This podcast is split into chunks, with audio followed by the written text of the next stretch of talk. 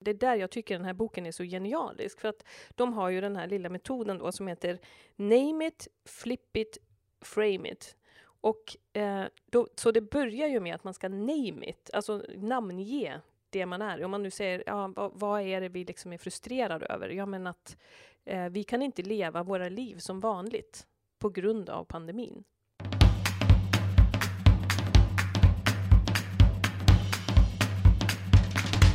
Hej och välkommen till podcasten Art of Collaborating som är producerad av Lenka. I den här podden pratar vi, det vill säga Caroline Bottheim och Anna Singmark, om intressanta fenomen som kan hjälpa oss att förstå och driva samverkans och multiaktörsprocesser framåt.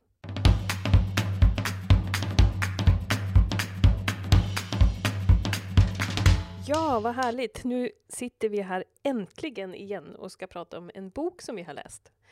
Eh, och den boken heter Conversations Worth Having. Och det är Jackie Stavros och Sherry Torres som har skrivit den. Och jag tror att den gavs ut 2018. Och eh, vi blev ju inspirerade att köpa och läsa den här boken av Daniel Rickardsson som har eh, föreläst mycket om appreciative inquiry och eh, även översatt en en annan bok som heter eh, Styrkebaserad teamutveckling på svenska. Och nu har vi då kommit så långt att vi har läst den här boken eh, och är väldigt inspirerad, i alla fall känner jag mig jätteinspirerad av den här lilla fina boken som var väldigt lätt att läsa från perm till perm tyckte jag också. Men eh, vad roligt att vi ska prata om den och eh, jag tänker, ska vi börja med att eh, prata om hur vi går in i det här samtalet och checka in med den frågan.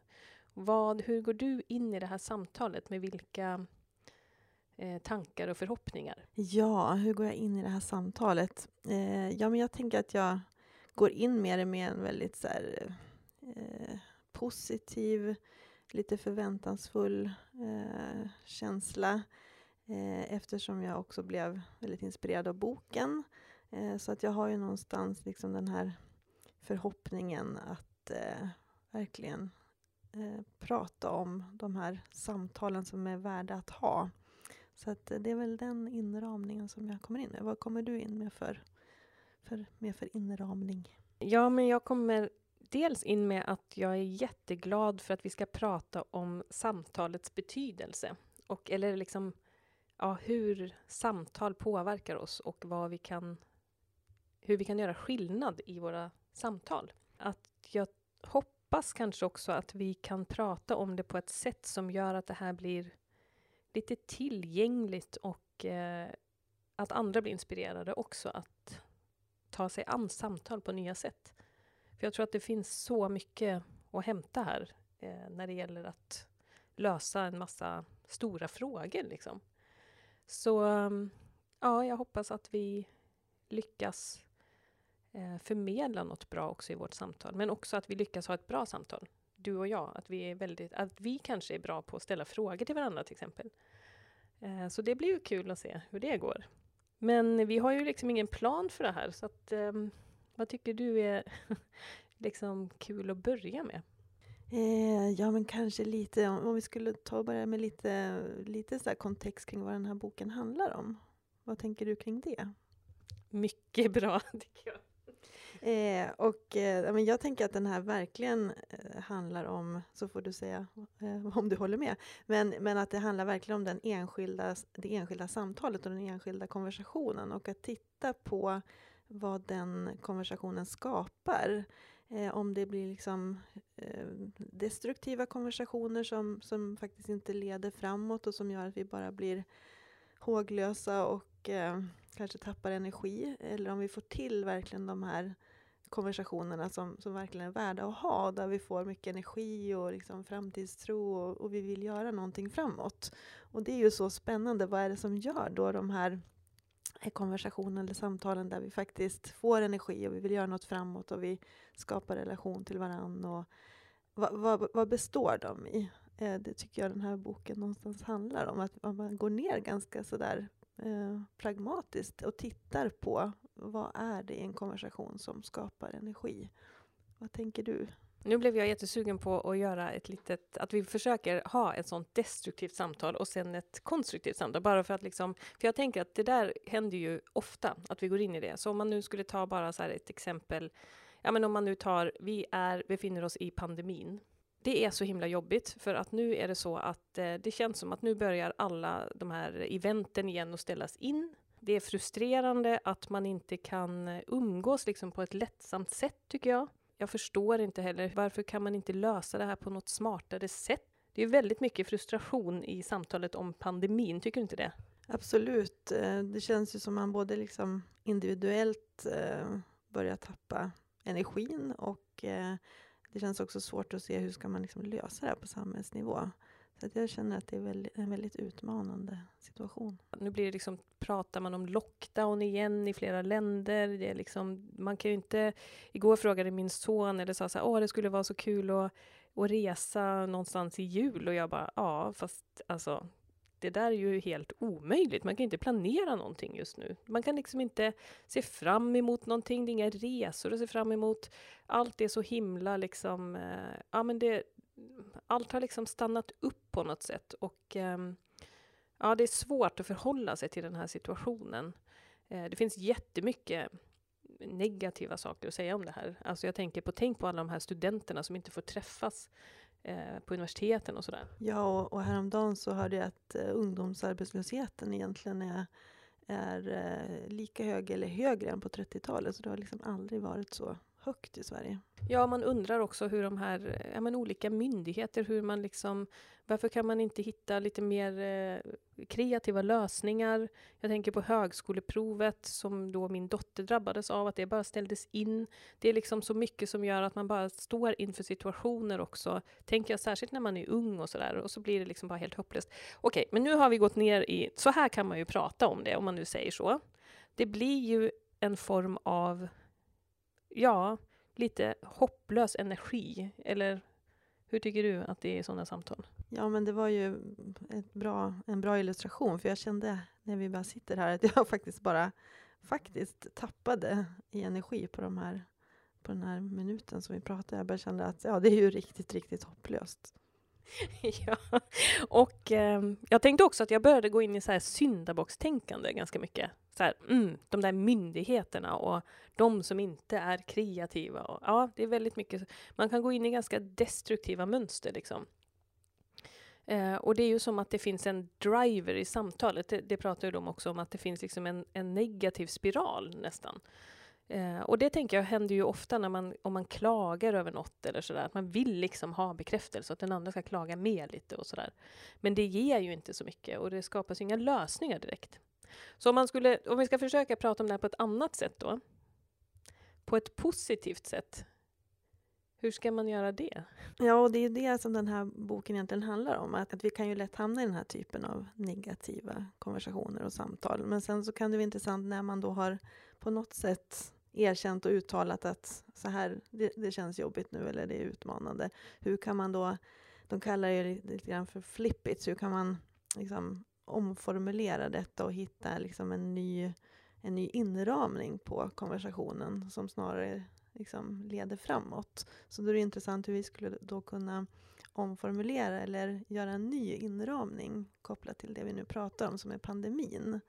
Eh, så en sån inramning, hur skulle den kunna se ut? Jag tänker att den, den bör ju på något sätt vara då så att vi, vi skapar ett utrymme för, för också ja men, positiva tankar och idéer om, om utveckling och framåtskridande. Får du någon idé på hur vi skulle kunna om, omformulera? Jag tycker att det är en jätteintressant fråga, för det här handlar inte, tycker jag då, bara om att liksom ja men nu pratar vi på ett positivt sätt, utan det är där jag tycker den här boken är så genialisk, för att de har ju den här lilla metoden då som heter Name it, flip it, frame it.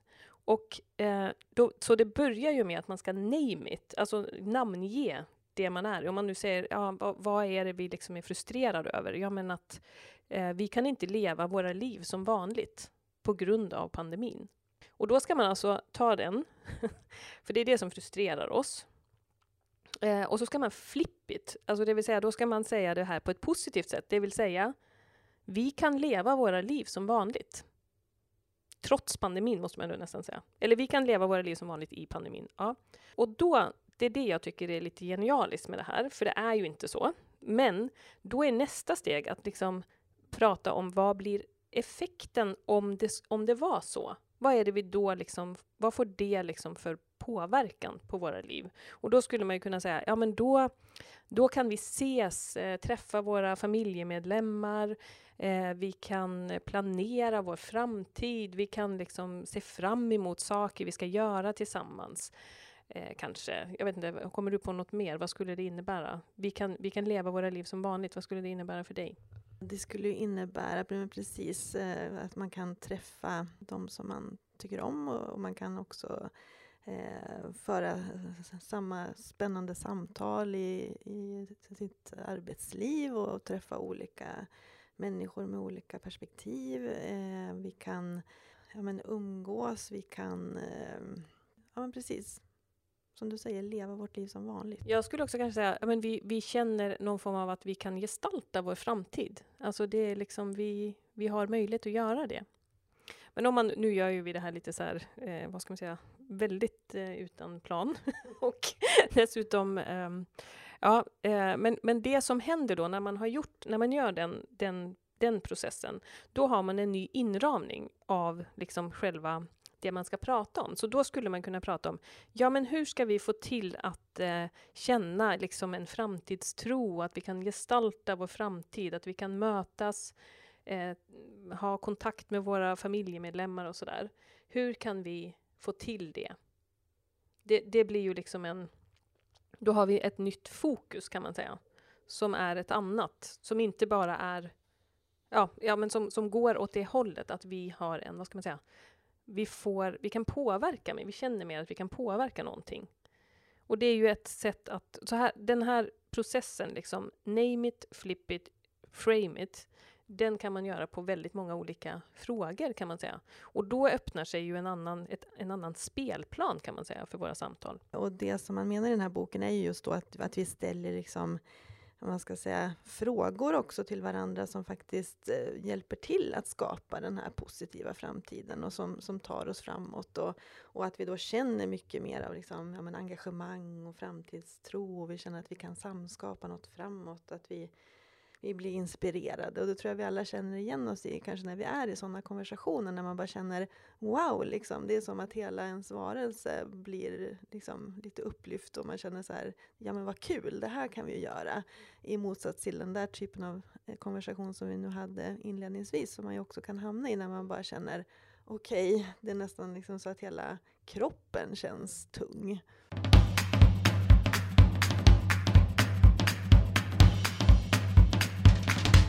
Och det är ju egentligen det som är då eh, nästa steg. Efter att man har ramat in på nytt sätt så ska man ju då fråga generativa frågor. Och det är ju då, som du var inne på, den sortens frågor. Då skulle det kunna vara i det här sammanhanget med pandemin då, eller liksom kanske, ja men vilka, vilka goda erfarenheter har du nu av att ha träffat eh, dina släktingar på nya sätt kanske, eller på olika sätt? Eh, vad är det som har eh, eh, varit livgivande för dig hittills under den här processen? Eller vad har ehm, eh, vilka möten har skapat stort värde för dig? Eller hur kan du, hur har, hur har dina relationer kanske fördjupats under den här fasen? Eller vad vet jag? Alltså att man ställer de här positiva frågorna som är kopplade till det man vill skapa eller önskar att uppnå tillsammans. Så det är ju liksom en ytterligare del av det. Jag tror att de pratar om det. Det, en, det ena är just det här att rama in det på ett nytt sätt, på ett positivt sätt. Och sen att ställa en massa generativa frågor till varandra. Det finns ju väldigt många bra exempel i den här boken som också visar på den här eh, hur man eh, omformulerar eller skapar en ny inramning till, en, till ett område.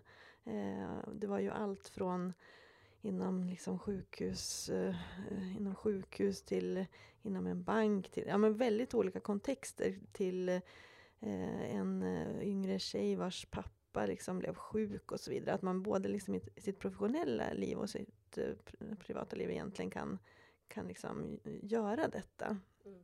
Eh, och jag tänker bara på det, jag tycker det var spännande med det här också sjukhuset där de började liksom få en en lägre liksom, patientnöjdhet. Och ett väldigt vant grepp då kan ju vara liksom att ja, men chefen går in och liksom pratar med sin arbetsgrupp och man pratar varför har vi inte Liksom, varför, varför har vi så dålig patientnöjdhet? Att, att den typen av angreppssätt är ju väldigt vanligt, liksom, att vi gräver i det som, som inte fungerar. Och där hade ju hon också, liksom, när hon då började prata med sina medarbetare, börjat omformulera så här, ja, men, och att de snarare undersökte tillsammans då utifrån ett annat, eh, en annan inramning. Ja, men hur, eh, liksom, våra patienter blir mer och mer nöjda med vår vård. Vad, vad är det vi gör? Liksom, hur, och locka verkligen fram de goda erfarenheterna när patienter blir nöjda med vården. Eh, det är väldigt spännande. Det finns ju så många exempel på hur man i olika kontexter egentligen kan, kan omformulera eh, ingångsvärdet eller sättet att se på en situation. Ja, nu tänker jag på två saker när jag lyssnar på dig. För jag tänker dels inledningsvis tänkte jag på det här med det där exemplet med den här tjejen också som eh, vars pappa blev så sjuk och blev inlagd på sjukhus och det var väldigt eh, kritiskt om han kommer överleva. Och det var flera månader att hon inte fick träffa honom och inte ens sin mamma som då var med honom hela tiden. och så. Alltså det var en ganska hopplös situation. Men då hon beskriver då i hur hennes mamma eh, lyckades ha en sån eh, conversation worth having med henne, som hon, där hon liksom eh, lockade fram egentligen eh, olika eh, stunder som hon, den här tjejen hade haft med sin pappa. Och de därigenom liksom hittade ett sätt att ändå känna sig förbundna under den här fasen och liksom stärkta på något sätt. För det är också det där att det handlar inte om att låtsas som att allt är bra, eller det handlar inte om att vi inte kan att, att det inte livet är svårt eller att det finns väldigt utmanande situationer. Men att jag tyckte det var så bra att de skriver någonstans att oavsett hur utmanande det är så kan vi alltid ha en, ett fantastiskt samtal om det. Och det är liksom så här, eh, ja, som, som kan ge oss energi och hopp och sådär. Och det är ju väldigt fint. Det tänkte jag på nu när jag lyssnade på det du sa. Men sen tänkte jag också på, ja just det, det här med att vi har en tendens att fråga efter det som är eh, negativt, eller eh, hur kan vi bli bättre? Och det som jag också tycker de är väldigt duktiga på i den här boken, det är att de hela tiden går tillbaka till den som ställer frågan och liksom eh, att det blir så tydligt att de här negativa eller destruktiva samtalen, de kommer ju oftast från att vi har en Eh, rädsla själva, eller vi är osäkra på eh, någonting. Alltså i det här fallet med chefen, att hon, hon var ju stressad för att hon fick dåliga resultat. Och då liksom, så går vi bara, vi, det är som så här ryggmärgsreflex, att vi går på den eh, rädslan och eh, stressen eh, för att liksom ordna upp saker. Och då är vi, har vi så snävt fokus på något sätt och kan inte ställa de där eh, uppmuntrande frågorna. Liksom. Eller vi kan det är svårt för oss att leta efter framgångar och det som fungerar bra när vi, när vi är rädda. Och det tycker jag de också beskriver väldigt bra. Så att det är liksom så vikten av att gå till sig själv och liksom fundera på hur går jag in i det här nu?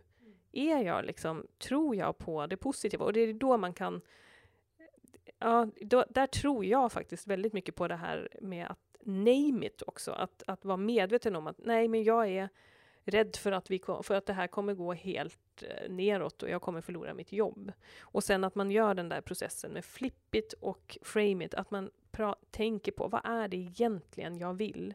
Det där är ju lite som den där eh, eh, bakom varje problem ligger en frustrerad dröm. Att, det, att man liksom lockar fram, vad är det jag egentligen vill? Vad är det som gör att jag blir rädd? Liksom? Vad är det jag egentligen vill skapa? Eh, och där finns den där kraften att, eh, att, helt, att plötsligt få syn också på de frågorna som är generativa kanske. Bla, bla, bla. Nu blev det väldigt mycket bla, bla, bla här. jag tänkte, för jag tänker så här, ja, eller, eller vad tänker du kring det? Eller tycker du att det är lätt, eller du, har du, för jag tycker nämligen att du är väldigt bra på att ställa eh, alltså generativa frågor eller eh, uppskattande frågor. Och ibland kan jag känna så här att jag nästan känner så här, nej vad fan, nu kom den där frågan. För jag är så in, om jag är så inne i en negativ inramning, förstår du? Och jag bara undrar, hur, hur tycker du att, kan du också fastna i något negativt? Ja, det kan ju absolut göra. Eh, och vi pratade ju om det i morse också. Det är jättespännande att tänka liksom hur, hur tänker jag kring den här situationen? Eller hur kommer jag in i det här samtalet? Eh, och jag känner ju nu till exempel att jag har en väldigt negativ liksom, inställning eller inramning kopplat till att det nu börjar bli vinter eh, och mörkret kommer. Eh, och att jag liksom eh, så var det inte tidigare, men att jag börjar liksom nästan tänka så liksom negativt kopplat till de månader som kommer. Och nu efter att ha läst den här boken så tänker jag också, kan jag på något sätt eh, omformulera det och få, få, få en liten innan, annan inramning? För det kommer ju också påverka mitt sätt att vara förmodligen och hur jag går in i en dag och så vidare. Så att absolut, eh, jag kan absolut också ha en negativ eh, framing av saker. Men känns det som att du lyckas med det nu? Att du kan liksom ändra på den framingen nu inför den här vintern menar jag? Ja, jag lyckades ju idag för solen kom ju fram lite grann också nu på morgonen. Eh, nej, men jag ska faktiskt medvetet tänka på det. Jag tänker också, det kan ju vara så som du var inne på när man blir rädd eller eh, bara när man är hungrig eller trött. Eller liksom, känner jag i alla fall att om jag blir liksom, eh, energimässigt orkeslös så är det ju lättare också att få liksom, en negativ eh, tankeverksamhet som sen kan påverka ett samtal. Så jag, jag, tycker bara den här boken är så spännande. Liksom, för jag, jag, jag, tror att jag varit lite omedveten kring det också. Eh, vad är det jag går in med nu egentligen? Eh, jag tycker den här boken hjälper lite grann i att nästan ta lite ska man säga, ett metaperspektiv på sig själv. Liksom. Vad, vad har jag för inramning kring det här som vi ska prata om nu och vad går jag in med den här, eh, i det här samtalet med? Eh, för att också ha möjlighet att fundera på hur man då eh, de här generativa frågorna.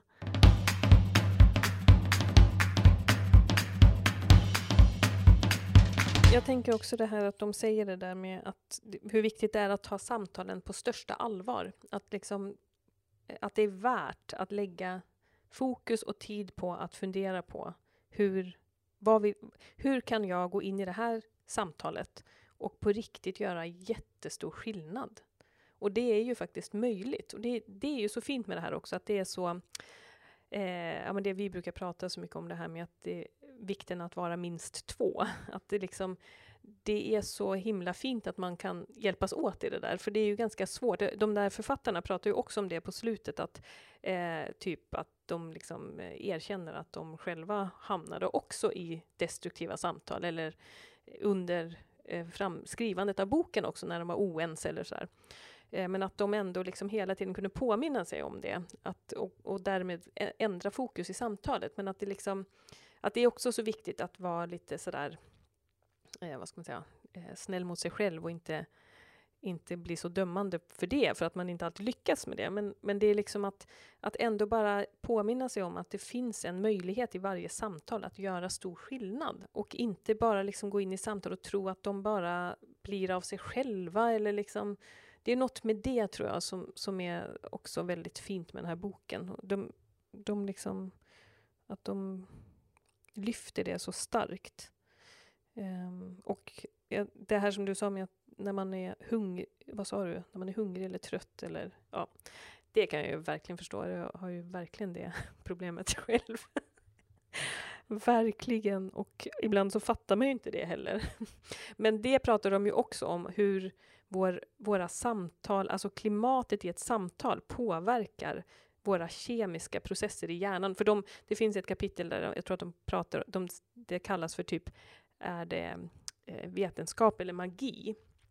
Och, men då tänkte jag, ja det är väl både på något sätt vetenskap och magi i det här, för att det är så men då beskriver de massa vetenskapliga experiment och forskning och sådär, där man har visat på att de här, den här sortens eh, liksom destruktiva, kritiska samtalsklimat eh, sätter igång liksom, kemiska processer i hjärnan som är som när vi har flyktbeteende och, och är under hot och sådär.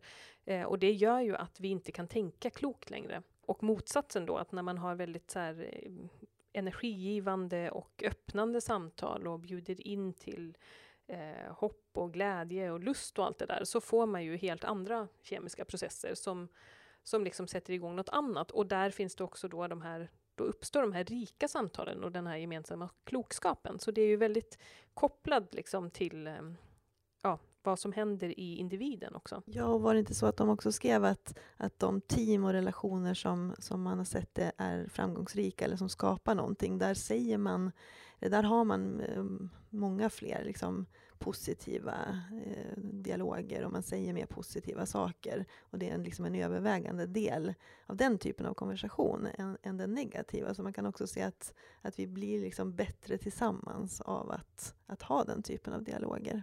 Ja, och att där man ställer mer frågor till varandra. Och eh, vad var det mer? Ja, där man har eh, inte liksom är så upptagen av det man själv säger, men väldigt upptagen också av den andra, eller de andra som sitter på mötet. Och det är också så himla intressant.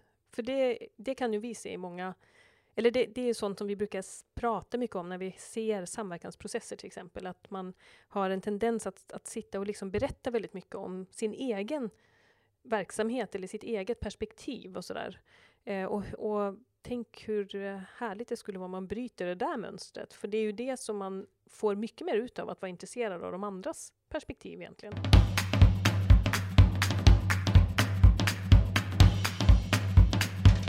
Nej, jo, nu kom jag på det.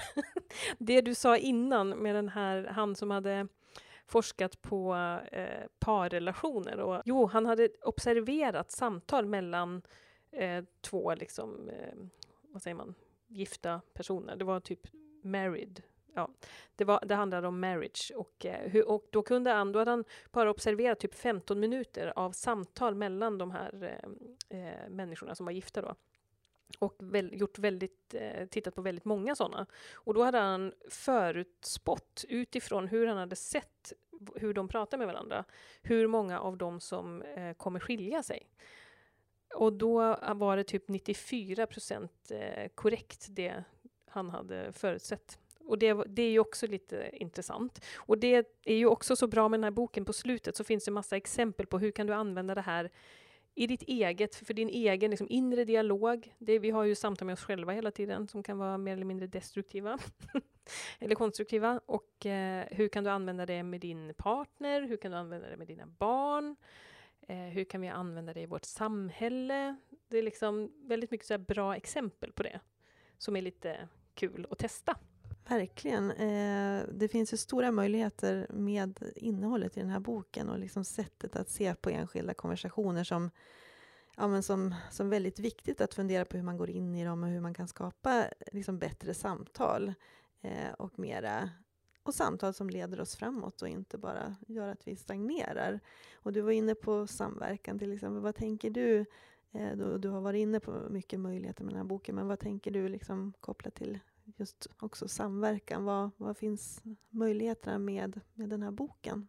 Om man tänker ett ganska stort perspektiv, eller brett perspektiv, när man, om man tänker sig att vi är alla liksom en del av ett eh, samhällssystem kan man säga. Och vi har alla liksom olika perspektiv på, om man nu tänker återigen pandemin till exempel, bara för att det är så uppenbart att det är en utmaning vi har just nu. Men eh, att vi har liksom frågor som berör oss alla och vi har olika perspektiv på den. Så, för då tänker jag bara att eh, tendensen och ryggmärgsreflexen kan vara att vi går ut och vill säga hur vi tycker att vi ska lösa det. Men jag tänker vad intressant det skulle vara om alla istället skulle få liksom en uppgift att ta fram en sån här fråga. För jag tänker att varje, alltså frågorna vi ställer, de är ju också påverkade av var vi befinner oss i systemet. Så ingen kan ju, alltså det, det finns ju inte en perfekt fråga, eller vad man ska säga, som är bara så generellt en perfekt fråga. Eh, men för en fråga skulle kunna vara, var har vi lyckats eh, skapa helt oanade lösningar redan under den här pandemin? Eller var har vi lyckats med helt nya gränsöverskridande samarbeten på grund av pandemin? Eller när, när, hur, alltså vad har vi kunnat göra helt plötsligt som blev möjligt bara på grund av pandemin? Alltså det för det vet vi ju att det finns massa sådana exempel. Att, jag vet att många har sagt att ja, men nu blev vi plötsligt tvingade att göra något på ett helt annat sätt och det hade vi aldrig gjort annars. Så att det, det finns ju väldigt mycket positiva eh, lärdomar. Och då tänker jag att flera alltså, delar i systemet kan ha eh, viktiga ja, men viktiga frågor och, eh, och då kanske fråga, fråga in till vad har vi för goda erfarenheter av bla bla bla, till exempel. Så tänkte jag nu. Vad tänker du?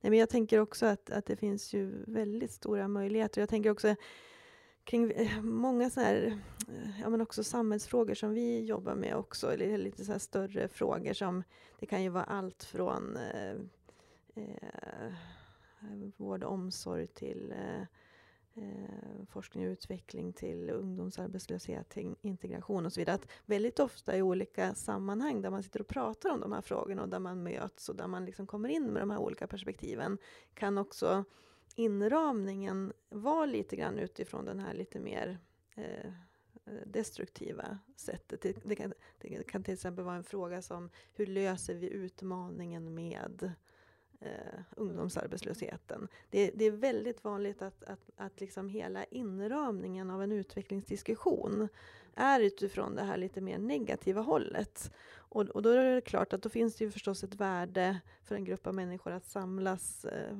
under lång tid och prata om den här utmaningen. Men jag vet inte om vi alltid förmår då liksom lyfta blicken och fundera på, är vår inramning gynnsam för att också utveckla frågan framåt? Skulle vi liksom efter eh, ett visst antal möten kunna kanske eh, ja, men försöka skapa en ny inramning som snarare kanske tar tillvara, som du är inne på, allas perspektiv och erfarenheter och goda exempel och där vi liksom drivs av lust och energi och samskapande tillsammans. Så det är också, jag, jag blir så lite inspirerad av också hur kan man i olika sammanhang bara omformulera frågan och se vad det skapar. Att liksom mm. kanske testa lite grann. Mm. Eh, så det är liksom förstås både jag menar, jag själv i olika sammanhang där jag säkert går in utifrån den här mer destruktiva hållet. Men det är också superspännande i olika sammanhang också, också som vi jobbar eh, inom. Hur, hur, skulle man kunna vara en del av att omformulera mm. inramningen? Det är väldigt spännande. Mm. Eller vad tänker du? Ja, jag, jag håller med. det är jättespännande. Men jag tänkte också på den här, eh, det här citatet av David Cooperrider som ju är en av eh, verkligen eh, människorna bakom Appreciative Inquiry. Som då, om man översätter det lite sådär eh, eh enkelt och snabbt, eh, som säger att vi lever i världar som är skapade av våra samtal. Och ehm, han, bruk, han pratar ju också om det här att våra organisationer är, bestå, består av de samtal vi för med varandra. Eh, och det är så spännande tycker jag, den där att tänka på det på det sättet, för då får ju samtalen sån betydelse. Men då tänkte jag att vi skulle kunna checka ut kanske från det här samtalet med frågan vilka samtal kommer du ihåg som liksom har gjort skillnad för dig eller som har gett dig energi. Och det, det behöver inte vara så här, åh, ja, det är det stora samtalet i mitt liv. jag menar bara så här, ja men kanske, vad, vad, eller vad kan vara typiska samtal som du upplever som är livgivande eller som är energigivande? Ja, det är en, en väldigt stor fråga. Så alltså jag, jag kommer inte på rak arm så snabbt på ja, men just det där samtalet, mm. men däremot så kan jag ju verkligen känna rent så fysiskt liksom, nästan eh, ja, men dagligen någonstans. Eh, både på, ja, men i våra arbetssammanhang men också hemma och i, i, alla mina relationer just när det blir den här liksom, positiva spiralen. Och vad beror det på? Liksom? Det är ju oftast liksom, ett nyfiket frågande, man hakar i varandras tankar, man känner att man liksom börjar drömma lite framåt. Ja men tänk om man skulle kunna göra det här. Alltså att, att den, den typen av dialoger består ju ofta av de här sakerna. Och det är ju väldigt härligt att vara i dem. Så jag bara känner så här, och efter den här boken, eh, tänk om man kan vara ännu mer i den typen av konversationer. För det är ju bara så himla härligt. Jag tänker att det liksom är livgivande någonstans, att vara i härliga konversationer. Så jag känner mig mer så. Mm. Tänker, har du några sådana konkreta exempel, eller hur tänker du? Eh, nej, men jag eh, insåg det när jag ställde frågan, den kanske var lite så här halvpretentiös fråga, men, eller vad man ska säga. Men, men jag, håller, jag håller med dig att det är lite mer, att jag kan se att med olika personer, till exempel med mina barn har jag, eh, vi har ju börjat från, liksom, eftersom jag ändå jobbar med de här sakerna så är det liksom svårt att undvika det, men då har vi ju pratat ganska mycket om också hur vi pratar med varandra och, och det var så roligt nu när, när, min son sa det där med att eh, ja, men kan vi inte resa bort eh, över jul? Då, då sa jag först ja men alltså herregud, ja men det går ju inte. Och så sa jag så här, fast nu ska jag inte tänka så. Nej, men så sa jag bara, men vad, vilken rolig idé! Vad är det du liksom vill eh, vad är det du går igång på i den idén? Och då blev det ju, och då sa ju han så här, ja vad bra, mycket bättre fråga. Så att vi har ju någon form av medvetenhet redan, tror jag, eh, där i hur vi kan påverka våra samtal. Och det är jag så, det gör mig jätteglad att vi kan ha det. Och eh, så med mina barn tycker jag att de samtalen när vi lyckas liksom, och där är det verkligen att vi hjälps åt. Och det tycker jag är fantastiskt. Och eh, även samtal med dig och liksom här på jobbet, att vi har en... Jag tror att det är när, när, jag, när det finns en medvetenhet om att... Eh, och en vilja att ha goda samtal och liksom det, då blir de ju väldigt livgivande. Nej, jag bara tänker på, jag läste i den här eh, boken också, att relationen är samtalet. Mm. Det är ju ett väldigt en, enkelt citat någonstans, men, men vi tänker inte alltid så. Men någonstans så är det ju liksom relationen utvecklas av samtalet och vad är det då för typ av samtal vi mm. har? Och det tror jag faktiskt att jag börjar fatta nu på riktigt att det faktiskt är så. Och det är verkligen magiskt när man tänker på det faktiskt. Och när, man tänk, när jag tänker på en riktigt bra relation jag har så är den så, vad ska man säga, så håll, jag har tänkt på det så mycket, för att där är det så påtagligt att samtalen vi har är så konstruktiva och så som de pratar om de här livgivande och värdeskapande samtalen. Och, ja, och då liksom blir det som att ja, det, det är samtalet som bär relationen och det är helt otroligt.